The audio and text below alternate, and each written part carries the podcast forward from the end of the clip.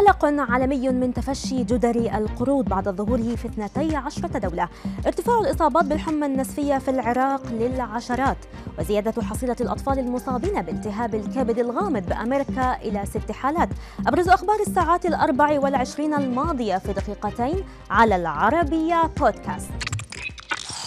أكدت منظمة الصحة العالمية رصد جدر القرود في 12 دولة حول العالم وسط تحذيرات من تفش وشيك.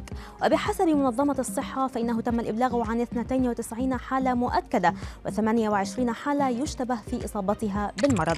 كما أوضحت أن الاتصال الجسدي الوثيق ينقل العدوى.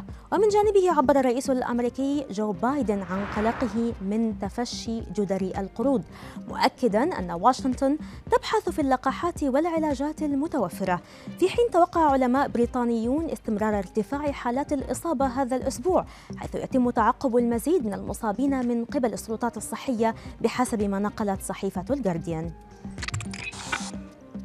أعلنت وزارة الصحة العراقية تصاعد حالات الإصابة بمرض الحمى النسفية واعتبرت الوضع خطيرا جدا. قال المتحدث باسم وزارة الصحة سيف البدر في بيان إن هناك تصاعدا خطيرا بإصابات الحمى النسفية في البلاد مشيرا إلى ارتفاع أعداد الإصابات بالمرض إلى 96 حالة.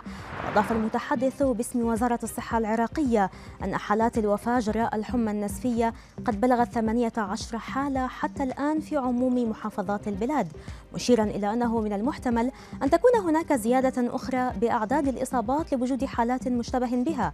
ويقول خبراء إن الحمى النزفية تنتقل من خلال التعامل المباشر مع المخلفات الحيوانية أو لدغة بعض الحشرات. فيما لا يزال البحث مستمرا بشأن جذوره وتداعياته ومسبباته؟ كشف الدكتور جاي بيتلر من مركز السيطرة على الأمراض CDC بأمريكا عن وفاة طفل آخر جراء تفشي مرض التهاب الكبد الغامض ما يرفع الحصيلة الكلية إلى ست حالات بأمريكا جميعهم من الأطفال. حذر خبراء من أن عدد الأشخاص الذين يعانون من السمنة المفرطة في بريطانيا أكثر من أولئك الذين يتمتعون بوزن صحي. قد يحدث ذلك خلال خمس سنوات ما لم تتغير الكثير من العادات.